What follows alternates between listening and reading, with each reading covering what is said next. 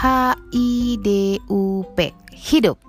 Oke, okay, jadi setiap orang akan menjalani hari-hari mereka ke depan, tapi tetap Tuhanlah yang menentukan. Kamu dan aku wajib menentukan apa yang menjadi prioritas bahkan langkah-langkah yang mau kita ambil.